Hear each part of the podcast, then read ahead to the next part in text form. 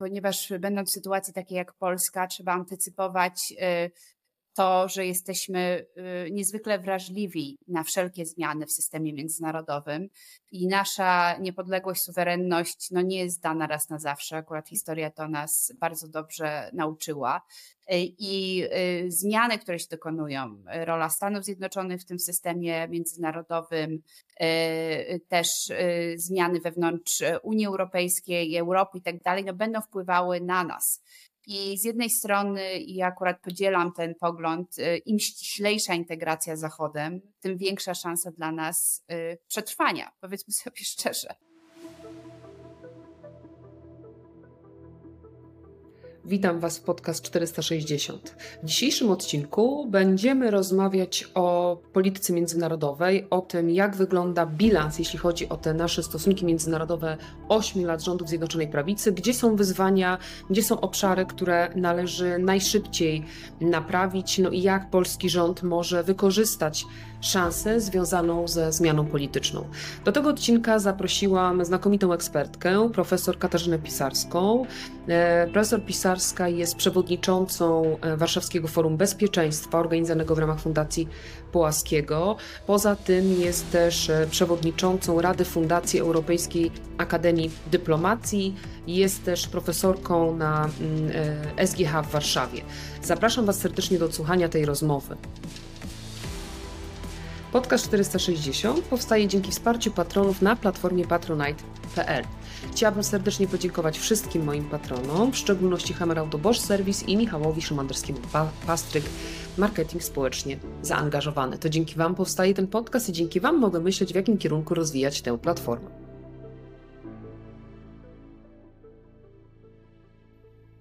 Kasiu, jeszcze raz bardzo dziękuję, że przyjęłaś zaproszenie do podcastu i znalazłaś czas.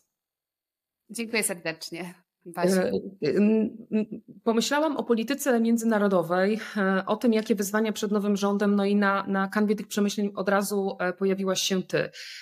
Dlatego, że myślę, że sytuacja jest dosyć szczególna. Te 8 lat zmieniły bardzo tę perspektywę patrzenie na politykę między, e, międzynarodową e, z perspektywy nauk politycznych zwracamy uwagę na to, że bardzo często ta polityka międzynarodowa de facto była wykorzystywana w takiej, w takiej walce wewnętrznej, czyli wprowadzeniu pewnych procesów na, na gruncie krajowym. Jakie to ma konsekwencje? W jakim my dzisiaj jesteśmy momencie, jeśli chodzi o politykę zagraniczną? Bo są takie komentarze czasem, że w zasadzie żadnej strategii, jeśli chodzi o politykę międzynarodową, nie było. Więc jaki jest ten bilans, Kasiu?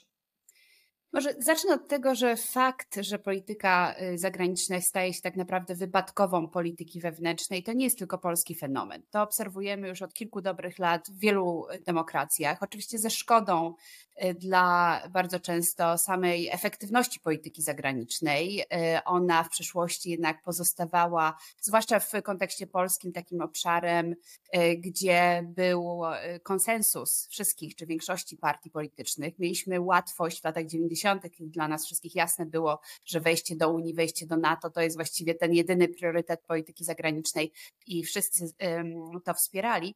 Y, a potem szukaliśmy trochę swojego miejsca w Unii Europejskiej, swojej nowej roli. Y, I to był taki czas po 2004 roku jednak uczenia się tak, tej nowej roli, jednak większej odpowiedzialności.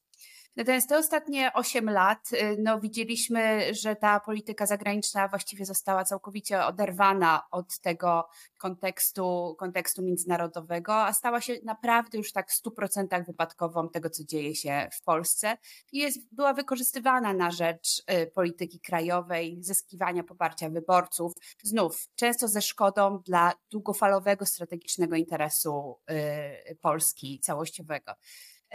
I też e, powiem szczerze, myślę, że to jest tak naprawdę najważniejsze. Było małe zainteresowanie współkształtowaniem polityki europejskiej i polityki zagranicznej też do jakiegoś stopnia. Właściwie do momentu inwazji Rosji y, na Ukrainę, no bo ten moment jednak był takim przełomowym y, również dla partii rządzącej y, i ta inicjatywa została podjęta, ale to też dla nas wszystkich Polaków był moment no, zagrożenia wręcz egzystencjalnego. Natomiast wcześniej nie było zainteresowania polityką zagraniczną, raczej było obawy, że polityka zagraniczna zainteresuje się nami, albo co gorsza polityka europejska, tak jak widzieliśmy w przypadku kwestii praworządności, zainteresuje się tym, co politycy w Polsce robią robią. Y, I ona była spychana na obrzeża. I niestety widzieliśmy to bardzo dobrze, prowadziło to do bezpośredniej marginalizacji Ministerstwa Spraw Zagranicznych, który przestał pełnić tak naprawdę tą rolę, którą przed 2016 rokiem y, pełniła, więc rolę współkształtującą jednak y, zarówno polską politykę zagraniczną, jak i europejską. No a z drugiej strony było wiele ośrodków władzy, które w jakiś sposób miały wpływ na politykę zagraniczną. Z jednej strony y, y, kancelaria prezydenta zajmowała się polityką zagraniczną w obszarze Stanów Zjednoczonych, mm, kancelaria premiera przejęła całą politykę europejską i MSZ de facto został z takimi relacjami bilateralnymi e, e, i, niewiele więcej. E, I to oczywiście powodowało no, rozczłonkowanie tej polityki, brak jasnej wizji, no i co najważniejsze, reaktywność. Kiedy coś się działo, my zawsze reagowaliśmy. Nie zdarzało nam się właściwie przez całe 8 lat, żeby wyjść samemu z jakąś propozycją, a zwłaszcza da, propozycją dalekosiężną inicjatyw, więc no, to wszystko tak naprawdę było tą ułomnością w ostatnich 8 latach latach. Pomijając oczywiście, bo w to już może nie będę wchodziła w szczegółach, no jedno, jednak pewną degradację statusu y, służby cywilnej wynikającej z reform, y, które pozwoliły na to, żeby do MSZ-u przyjmowane były osoby, które no, nie spełniały chociażby tych kryteriów wcześniejszych, czyli znajomości dwóch języków obcych, y, ale też wiele, wiele innych rzeczy, upolitycznienie tej służby, upolitycznienie osób. Zawsze oczywiście są nominaci polityczni na ambasadorów, ale teraz w ostatnich latach właściwie byli tylko i wyłącznie polityczni, e, w sposób bardzo skuteczny, zamykając możliwość młodym czy czy, czy już nie tak młodym, ale jednak e, członkom służby zagranicznej, którzy całe życie spędzili w MSZ-cie i którym, dla których zawsze ten, ta rola ambasadora była pewnym ukoronowaniem wieloletniej kariery na rzecz, e, służby na rzecz Polski. I to wszystko zostało zamknięte, co też oczywiście sprawiło, że wiele osób z tej służby odeszło. No i teraz mamy tak naprawdę ogrom, y, ogrom y, rzeczy, które, no, do których trzeba, które trzeba naprawić. Od rozpoczęcia oczywiście kwestii reform służby y, zagranicznej po kwestię no, szerszą i najważniejszą, to znaczy kształtowania aktywnie polityki zagranicznej. Cieszę się bardzo, że wspomniałaś o, kwestie, e, o kwestii właśnie tego wyczyszczenia de facto służby cywilnej, jeśli chodzi o naprawdę wybitnych ekspertów, dlatego że to będzie miało wpływ pewnie na, na fakt, e, jak, jak szybko i jak sprawnie będzie odbudowa w tym zakresie takiego aparatu administracyjnego, dyplomatycznego naszej, naszej, tej naszej polityce zagranicznej. Natomiast e, mówisz o tych wyzwaniach i chyba zaczęłabym myślę od Unii Europejskiej, dlatego że nie mogłam się oprzeć wrażeniu, e, kiedy tydzień mniej więcej po wyborach Donald Tusk pojechał do, e, do Brukseli, że nie chcę użyć słowa euforia, ale ono bardzo mi się na usta ciśnie, e, bo miałam wrażenie, że rzeczywiście był, był przywitany na tej bardzo formal, formalnej nieformalnej wizycie z dużą radością, nieskrywaną radością. Oczy, myślę, administracji brukselskiej były bardzo mocno skierowane w ostatnich tygodniach na Polskę. Mm, są nadzieje w Brukseli, związane z tym nowym rządem, myślisz, duże? Myślę, że w Brukseli, jak i w wielu stolicach europejskich jest duża ulga. Myślę, że nadzieja to jest za duże słowo, ponieważ no, wiadomo, że jesteśmy w bardzo trudnym w ogóle momencie, zarówno dla procesów integracji europejskiej, jak i w kontekście międzynarodowym, więc tutaj w tych ostatnich czasach nie ma za dużo miejsca na takie słowa jak nadzieja. Natomiast jest ulga, że z jednej strony będziemy y, w Unii Europejskiej y, państwem, które znów będzie chciało aktywnie współtworzyć tą politykę y, europejską, czyli będzie chciało usiąść do stołu i powiedzieć, to są nasze pomysły, to są nasze koncepcje, y, widzimy potrzeby takich i takich zmian, na to się zgadzamy, na to się nie zgadzamy. Tego bardzo brakowało. Polska zazwyczaj była takim krajem po prostu blokującym, gdzie inne kraje przychodziły z propozycjami, a my się dopiero do nich, od nich y, odnosiliśmy albo wyrażaliśmy bardzo małe zainteresowanie, y, albo po prostu blokowaliśmy. I znów oczywiście kwestia praworządności to na pewno ten fakt, że, że Polska była w tej procedurze, że są nadal blokowane zresztą środki z KPO, że przeciwko Polsce tłoczą się szereg spraw przecież w Europejskim Trybunale Sprawiedliwości, które wnosiła nie tylko Komisja Europejska, ale też inne państwa członkowskie, przecież o Turów z Czechami. Tak. Ta sprawa jest niezamknięta. No, y, jest o tyle nadzieja, że ten rząd będzie chciał szybko te sprawy y, załatwić, tak aby móc oczyścić przedpole do e, e, aktywnej polityki europejskiej. I już teraz wiemy, że opozycja mówi, że ta, ten obszar polityki europejskiej i um, zamknięcia tych wszystkich e, otwartych konfliktów jest priorytetem.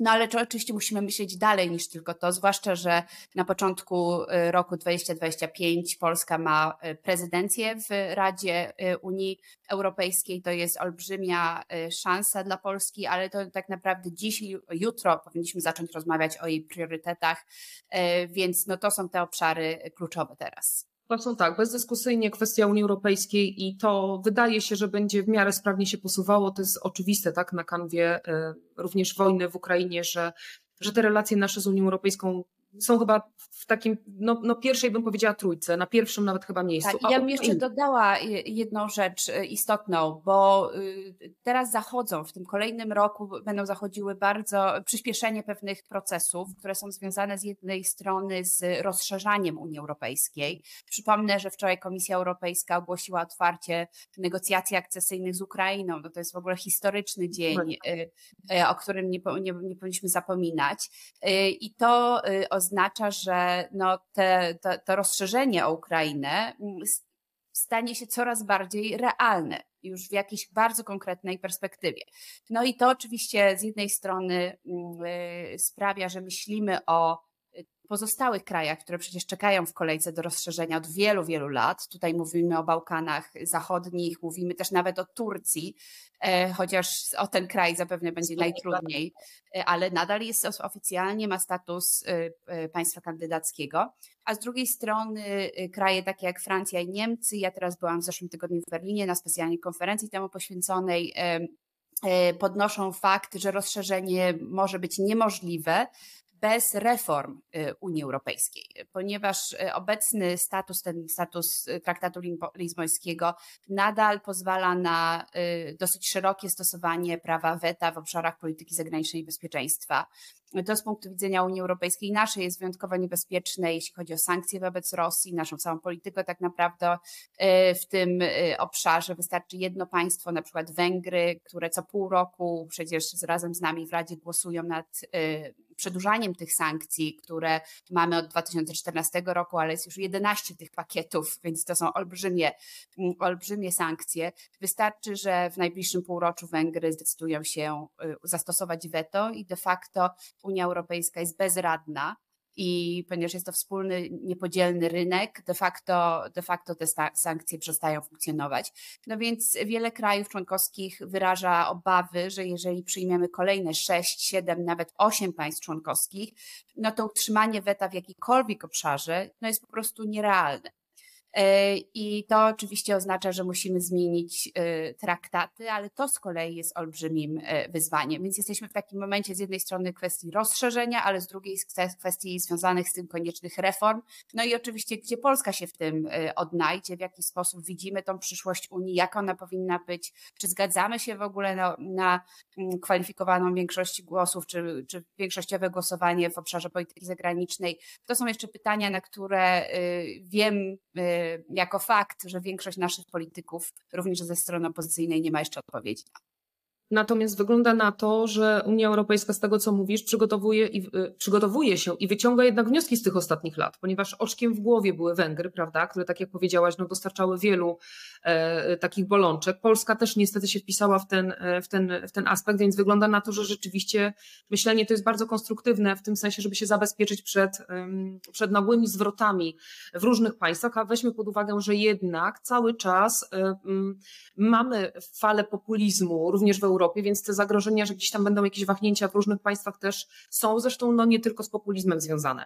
E, powiedziałaś o tych wyzwaniach, o tym rzeczywiście mamy historyczny moment z uwagi na, na te decyzje a propos między innymi Ukrainy. No właśnie i o to, do tego bym chciała wrócić, dlatego że ta wojna w Ukrainie, nasza pozycja w tej Unii Europejskiej, ona ma też wpływ na to, co będzie dalej z Ukrainą, prawda? Jak możemy wykorzystać tę, tę zmianę polityczną, żeby mm, być takim no, supportem dla również Ukrainy i, i tego członkostwa e, potencjalnego przyszłego Ukrainy w Unii Europejskiej i w ogóle dla przyszłości tych relacji Unii z Ukrainą, Polski z Ukrainą, bo w ostatnich miesiącach też te relacje polsko-ukraińskie troszkę ucierpiały. Ja tu już dzisiaj widzę bardzo wiele dylematów, e, które będą stały przed e, nowym rządem. E, z jednej strony jest oczekiwanie, jest to pewna taka oczywistość, że włączenie Ukrainy do systemu bezpieczeństwa transatlantyckiego, czy przez wejście Ukrainy do NATO, czy do Unii Europejskiej, no jest w strategicznym interesie państwa polskiego. Przesunięcie tej granicy, zwłaszcza tej granicy natowskiej, dalej na wschód, y, no, oznacza, że to nie my jesteśmy tą, tą pierwszą linią y, obrony, tą flanką i zresztą ta wojna na Ukrainie pokazuje, no, jak ogromną różnicę robi kiedy to nie my musimy z Rosją walczyć, ktoś walczy y, i niestety ktoś ginie.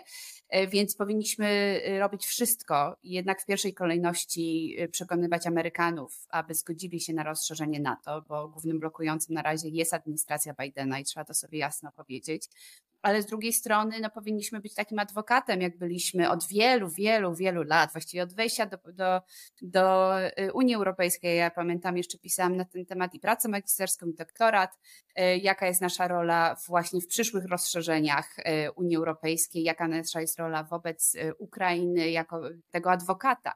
Więc kierując się doktryną Giedroycia, jest to oczywiście naturalny dla nas obszar działalności ale mówię o dylematach, dlatego że Oczywiście rozszerzenie to jest olbrzymi proces, y, który wiąże się z przyjęciem państwa, y, z którym w pierwszych przynajmniej okresie albo w długofalowym nawet okresie no będziemy konkurować czy w obszarze rolnictwa, na wspólnym rynku.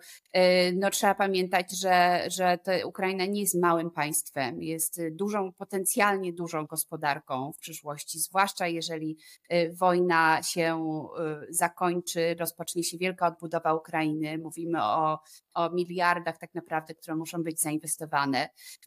I z jednej strony nas to powinno absolutnie cieszyć, ale z drugiej strony musimy sobie zdać sprawę, że będą w tych e, negocjacjach akcesyjnych pewne dylematy, no, z którymi musimy, będziemy sobie musieli poradzić. To widać bardzo dobrze teraz na tym przykładzie y, y, z wjazdu zboża ukraińskiego tak. na teren Polski, y, gdzie tutaj takie interesy istotnych grup społecznych polskich są, są naruszane, w tym przypadku rolników.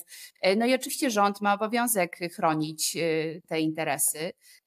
Natomiast e, z tych rozmów, które ja już prowadziłam z politykami opozycji, e, widać bardzo mądre, mądre przemyślenia dotyczące tego, że wiele z tych potencjalnych problemów z Ukrainą można przenieść po prostu na poziom europejski. To znaczy pozwolić Komisji Europejskiej w sposób mądry te problemy załatwiać. W negocjacjach oczywiście Komisja Europejska jest twarzą Unii Europejskiej e, i wszystkich nas, państw członkowskich. E, I to jest właśnie umiejętność współpracy z Komisją i zabezpieczenia interesów różnych grup e, ekonomicznych i innych Polski poprzez no, właśnie negocjacje wczesne z, z, w Brukseli i poinformowanie, na czym nam zależy, na co możemy się zgodzić.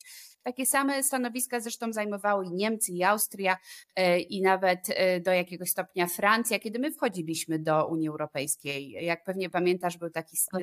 wielki, wielki strach przed zalewem e, Polski, polskimi hydraulikami we tak. Francji, polskimi robotnikami i kraje takie jak Austria i Niemcy wywalczyły sobie okresy przejściowe i przecież nie mogliśmy od razu pracować e, wchodząc do Unii e, w, w tych krajach, a na przykład Wielka Brytania tego nie zrobiła. I wielu Polaków wyjechało w 2004 roku tam, tak? E, więc e, to e, jest coś, do czego my się musimy przygotować.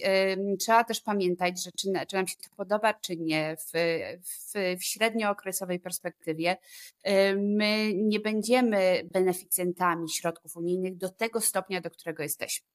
To znaczy, to nie jest tak, że będziemy płatnikami w, tej średniej, w tym średnim okresie, ale na pewno będziemy dostawać dużo mniej, a to wynika z faktu, że dzisiaj dostajemy najwięcej wewnątrz Unii Europejskiej. To znaczy pod względem PKB, pod względem też oczywiście samej kwoty netto, no Polska we wszystkich funduszach właściwie przoduje. To są olbrzymie kwoty które my otrzymujemy, e, ale oczywiście ta dysproporcja dzisiaj między nami a Zachodem się dramatycznie zmniejszyła.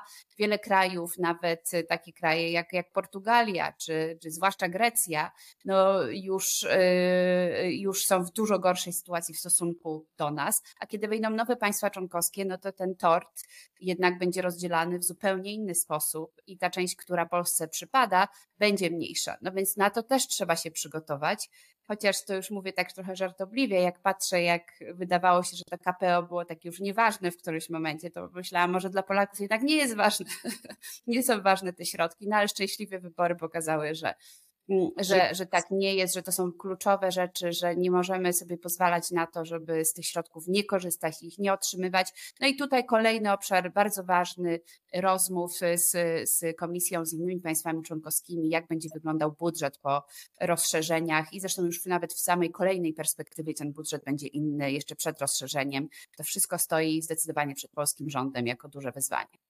Jak dzisiaj oceniasz relacje polsko-niemieckie? Bo mówimy o Unii Europejskiej, ale przecież ostatnio sporo też się działo. Niemcy mm, wydają się już być nieco zniecierpliwieni. Znaczy długo znosili fakt, że są takim obiektem, mm, bym powiedziała, takiej narracji rządowej i, i przez długi czas miałam wrażenie, jakby rozumieli w jakimś sensie, tak? Byli na to wyrozumiali. Ale chyba ta Mm, w, w ostatnim czasie ta cierpliwość się e, e, skończyła.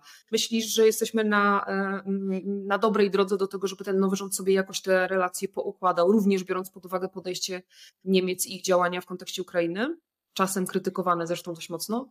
Myślę, że w Berlinie teraz jest taki ostrożny optymizm, bo ja również rozmawiając z partnerami niemieckimi, staram się studzić, y, studzić y, y, emocje, bo oczywiście z jednej strony znów mamy, będziemy mieć rząd, który będzie zdecydowanie proeuropejski, zdecydowanie nie będzie korzystał z tej karty niemieckiej jako właściwie odpowiedzi na wszystkie bolączki, bo jak coś źle, to Niemiec, tak. y, no to, to, to, doszło już do takiego absurdu, że ja nawet czasami bałam się mówić o tych polsko-niemieckich relacjach, y, na przykład na taki, w takich programach, ponieważ zalewał um, przestrzeń internetową taki hejt, jak tylko się próbowało mówić o jakichś konstruktywnych relacjach z Niemcami, że ja już w którymś momencie zaczęłam się zastanawiać, czy to nie jest jakieś działanie nawet prorosyjskie, ponieważ no tak zostały te relacje y, zupełnie nie, zupełnie y, bez jakichś takich szerszych y, przyczyn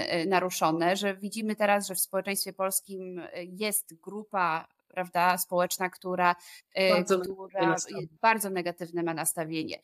I, I to się szybko nie zmieni tak? ponieważ mieliśmy 8 lat propagandy mówiącej, że wszystko co złe y, to, to Niemcy, że Niemcy y, są jakąś y, krajem całkowicie, które zdominowało Unię Europejską, które kierują się tylko i wyłącznie swoim interesem. Oczywiście każdy kraj się swoim interesem mm, kieruje, ale trzeba pamiętać, że z krajami, zwłaszcza takimi, od których zależy 80% naszego eksportu, trzeba umieć rozmawiać i trzeba umieć rozmawiać w sposób konstruktywny.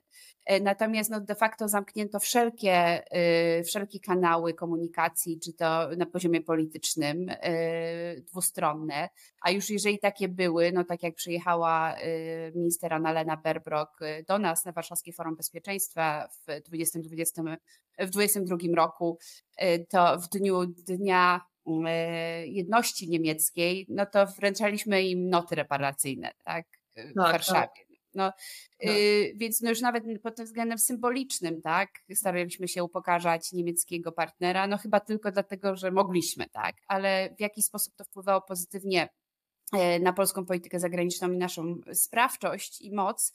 W żaden, wręcz w sposób negatywny. tak.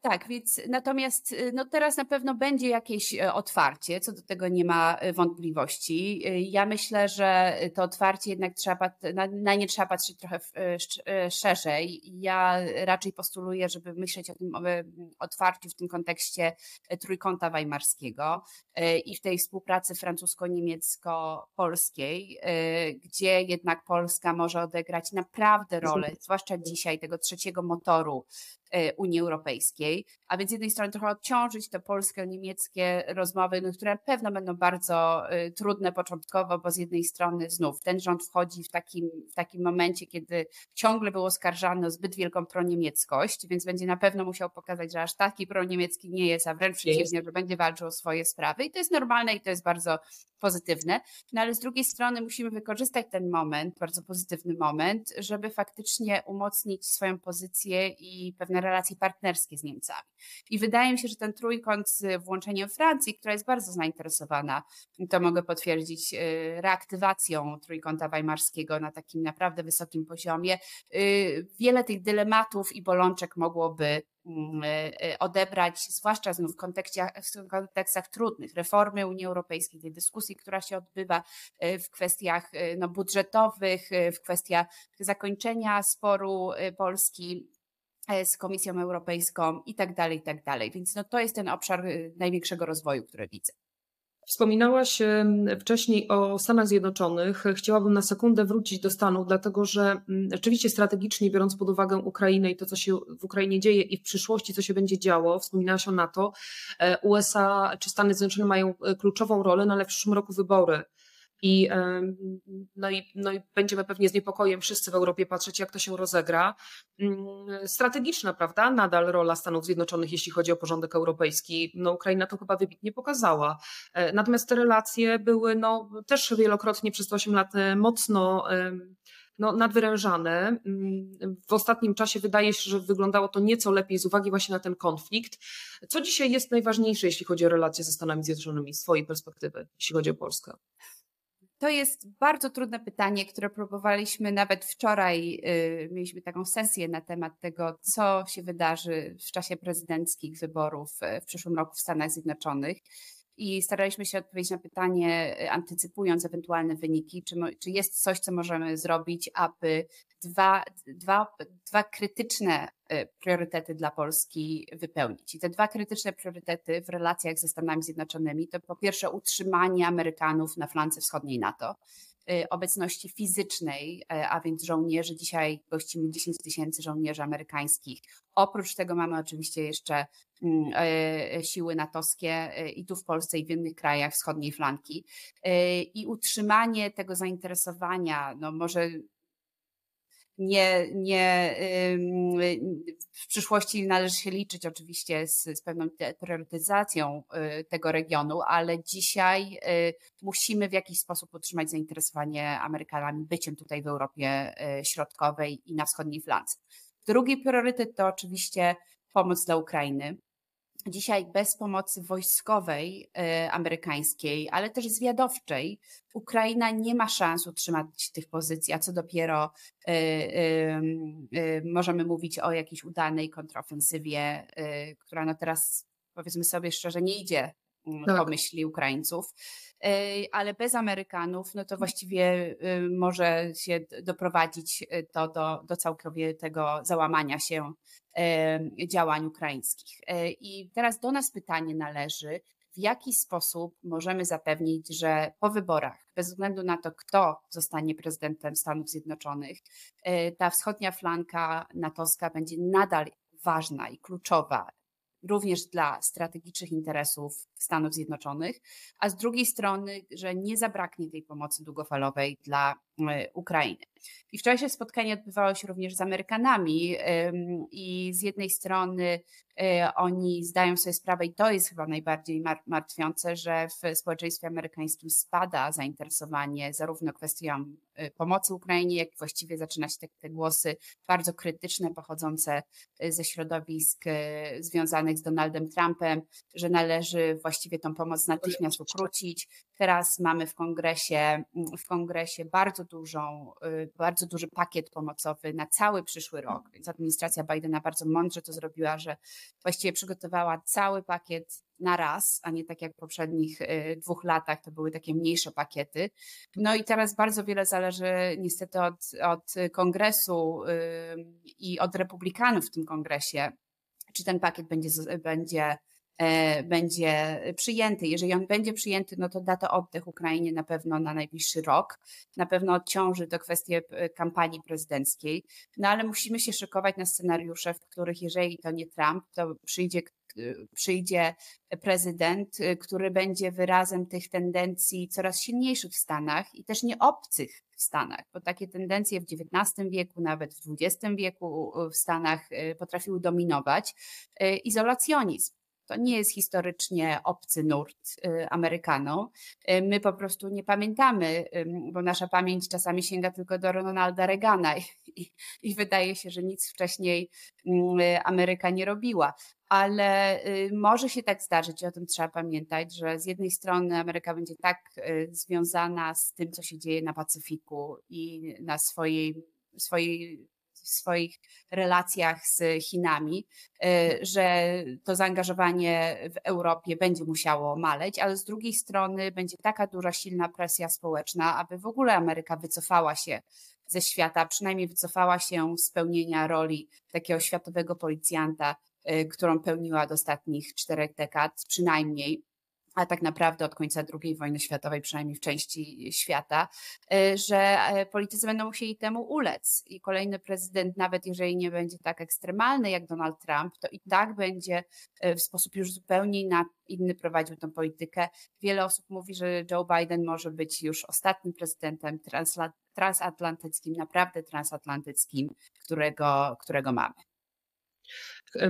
Chciałam właśnie nawiązać do tych Chin, że rzeczywiście to jest jeden obszar, ale w kontekście tego, że Amerykanie mają swoje interesy w tamtej części świata, chciałam jeszcze zapytać o Twoje stanowisko odnośnie takich obaw, które też się pojawiają eksperckich a propos e, Izraela i, i konfliktu z Hamasem.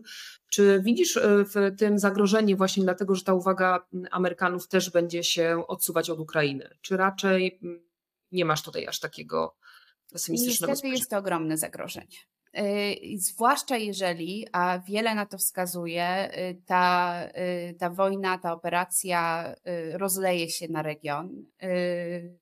Jeżeli te aktywne działania wojenne od stron, po stronie izraelskiej nie ustaną, a z drugiej strony włączą się w tą wojnę inne bezpośrednio włączą się, czy Hezbollah, czy, czy też inne siły polityczne, no to możemy widzieć olbrzymią destabilizację, dalszą destabilizację Bliskiego Wschodu. Mm, I w sposób naturalny Bliski Wschód od zawsze był w, w sercu, w centrum e, myśli politycznej amerykańskiej e, więc tu będzie naturalna chęć przerzucenia zarówno środków, jak i uwagi na, y, y, na, y, na ten konflikt i na ten obszar. I niestety, ale no, to jest najlepsza rzecz, która się wydarzyła dla Władimira Putina w ostatnich tak. kilku miesiącach, bez wątpienia. Rosja sobie zdaje z tego sprawę. I to też, spra- i to też yy, myślę, że skutkuje tym, że Rosja jest jeszcze bardziej pewna, że to już jest tylko kwestia czasu, to załamanie się zachodniego poparcia dla Ukrainy. Widzieliśmy właściwie od początku tej otwartej wojny, agresji, że Putin na pewno doczeka, przeczeka, o ile coś się wielkiego nie wydarzy, ale doczeka do tych wyborów prezydenckich amerykańskich, że to jest dla niego pewien, pewien punkt, w którym ma nadzieję, że sytuacja na Zachodzie będzie tak zła, że faktycznie przechyli szale na rzecz na przykład Donalda Trumpa albo prezydenta, który będzie chciał się wycofa, będzie chciał wycofania z Ukrainy albo przynajmniej dogadania się z Rosjanami. Y, no i ta wojna na Bliskim Wschodzie y, z całą pewnością przekonuje Kreml, że są już bliżej tego celu niż dalej. Y, Amerykanie, no Joe Biden twierdzi, że Amerykanie mogą na, na, i na dwa fronty, i na trzy fronty, i na cztery, jeżeli trzeba angażować się w różne konflikty, ale też zdajemy sobie sprawę, że to nie jest już Ameryka lat 90 ani pod względem społecznym, politycznym, ani nawet gospodarczym, chociaż ta gospodarka w porównaniu z europejską radzi sobie dużo lepiej w tych ostatnich latach. Więc no, bardzo trudny moment, ogromne przesilenie.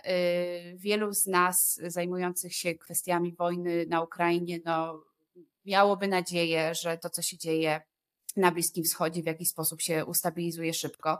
No ale y, niestety wiele wskazuje na to, że, y, że jest to dopiero jakieś preludium do dużo szerszego y, obszaru, do dużo szerszego, do dużo szerszej destabilizacji, wynikającej no przede wszystkim z, z interesów krajów, których interesy w ostatnim czasie były naruszone, w tym Iranu.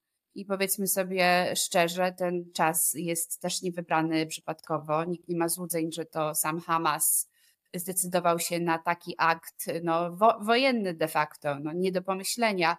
Mm, y, zdecydowanie jest wspierany przez y, Iran, który obawiał się y, przesilenia w relacjach izraelskich i Arabii Saudyjskiej, obawiał się pewnego procesu pokojowego, który administracja Bidena też dosyć skutecznie przeprowadzała w regionie i to oczywiście uderzałoby bezpośrednie interesy Iranu. No i w, tego efekcie dzisiaj widzimy widzimy e, otwarty front, a nie jest dla nas szczęśliwe, że to ben, Benjamin Netanyahu dzisiaj jest premierem e, Izraela. Też zapewne, gdyby był na tym miejscu ktoś inny, ta reakcja mogła być inna i może też byśmy byli dzisiaj w, w innym miejscu. Skala tych wyzwań, o których rozmawiamy, no powiedzieć, że, jest, że żyjemy w czasach niepokoju, to praktycznie nic nie powiedzieć. Masz takie poczucie, że mm, politycy, którzy za chwilę będą e, kierować, e, ustalać pewne priorytety, jeśli chodzi o politykę zagraniczną, mają zasoby? Jesteś spokojna o ten merytoryczny, kompetencyjne zasoby Polski, e, polskich elit politycznych, jeśli chodzi o te najbliższe miesiące i lata? Powiedzmy sobie tak, e, Basiu, politycy polscy będą przede wszystkim zajmować się sprawami wewnętrznymi Polski.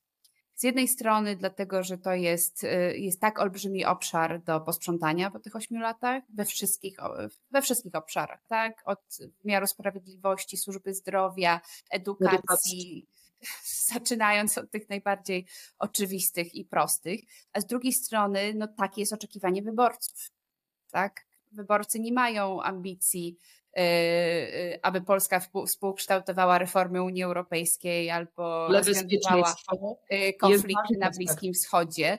Oczywiście Polacy chcą, żeby Polska była bezpieczna, dlatego będzie duża priorytetyzacja i to z, tutaj się niewiele zmieni akurat w tym obszarze polityki, polityki obronności.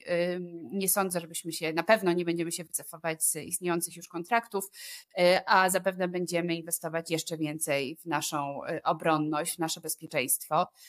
Natomiast no, to jest wysoce niewystarczające powiedzmy sobie, y, ponieważ będąc w sytuacji takiej jak Polska, trzeba antycypować y, to, że jesteśmy y, niezwykle wrażliwi na wszelkie zmiany w systemie międzynarodowym i nasza niepodległość, suwerenność no nie jest dana raz na zawsze. Akurat historia to nas bardzo dobrze nauczyła. Y, I y, zmiany, które się dokonują, rola Stanów Zjednoczonych w tym systemie międzynarodowym, też zmiany wewnątrz Unii Europejskiej, Europy i tak dalej, no będą wpływały na nas. I z jednej strony, i ja akurat podzielam ten pogląd, y, im ściślejsza integracja z Zachodem, tym większa szansa dla nas y, przetrwania, powiedzmy sobie szczerze. Natomiast im bardziej będziemy na tych obrzeżach, y, im bardziej będziemy wybierać ten wariant, który Ukraina wybrała w latach 90., a więc no, z jednej strony robienia jednego, z drugiej strony drugiego, tutaj trochę jesteśmy w tej Unii, ale trochę w niej nie chcemy być, tam trochę coś robimy i nie robimy, no to oczywiście też nas izoluje, a my nie możemy sobie pozwolić w takiej sytuacji, w której jesteśmy, na pozostanie poza mainstreamem transatlantyckim i e, europejskim, ale też musimy go kształtować. To znaczy, jeżeli w Stanach pojawią się pomysły, a pojawiają się, żeby się wycofywać w jakimś tam stopniu Amerykanie z Europy, no to my musimy mówić, ok, ale nie z, nie z flanki wschodniej. Tutaj macie naprawdę interes, żeby być przy małym jednak zaangażowaniu, zapewniamy my 3% czy 4% PKB naszego uzbrojenia, naszą armię, nasze przygotowanie i to, co oczekujemy, no to po prostu y, taką obecność, która y, ma odstraszać i ma ten charakter odstraszający. E, więc znów, no ale to wymaga kształtowania polityki, wymaga znajomości nawet na przykładzie Stanów Zjednoczonych. Trzeba rozumieć, jak działa kongres, y, trzeba wiedzieć, jak działają komisje, trzeba rozumieć, jak często w tym Waszyngtonie być, z kim rozmawiać, jak naciskać, jak e, współpracować z naszą na przykład Polonią e, i tak dalej, i tak dalej. No to są bardzo szerokie procesy, które wymagają wielu ludzi i szerokiego zaangażowania, również zaangażowania ze społeczeństwem obywatelskim, z think tankami e, i tak dalej, i tak dalej. Jak pytasz się, czy polscy politycy są przygotowani, no, no to nie jest priorytet niestety, chociaż powinien być, tak? To nie jest priorytet. Ja to z jednej strony rozumiem, yy, ale bardzo bym nie chciała sytuacji, w której teraz mówimy, uff, jest oddech, bo już Polska przynajmniej część konfliktów yy, rozwiązała, nie zaognia sytuacji, y, gdzieś tam jest, pojawia się, ale równocześnie tracimy tą olbrzymią szansę, żeby proaktywnie antycypować, co się wydarzy, a to naprawdę nie wymaga olbrzymiej wiedzy. Naprawdę jest łatwo wyobrazić sobie, co może w przyszłym roku się wydarzyć w Stanach. E, i wystarczy usiąść i się zastanowić, to jakie są alternatywy, co możemy dzisiaj zrobić, żeby się na to przygotować, zarówno tu w Europie, jak i wpływając jednak w Stanach Zjednoczonych na tyle, na ile potrafimy i możemy. No a z drugiej strony e, przygotować się na to, że jeżeli się nie potoczy wszystko po naszej myśli, no jakie mamy tu alternatywy, tak? Co możemy, a co nie możemy zrobić, żeby, e, żeby zapewnić bezpieczeństwo Polsce. No, jest to, mówisz, że nie jest to priorytet, ale jednak w procesach politycznych te, te wszystkie, to jest pewien efekt domina, prawda? Więc jakby miejmy, wypada nam mieć nadzieję, że, y, że tutaj zostaną te szkody wyrównane i rzeczywiście przede wszystkim wykorzystane szanse, o których mówisz, które mamy, więc nie pozostaje nam nic innego, jak obserwować i wyciągać wnioski, analizować to, co przed nami. Bardzo serdecznie dziękuję za tę rozmowę, Kasiu. Serdecznie Bardzo dziękuję, dziękuję serdecznie i dziękuję naszym słuchaczom. Bardzo dziękuję za dziś, dziękuję za Wasz czas, za wysłuchanie tej rozmowy. Już dzisiaj zapraszam na kolejny odcinek Brief 460, a w kolejną środę będzie na Was czekała następna rozmowa z gościem w podcast 460. Do usłyszenia.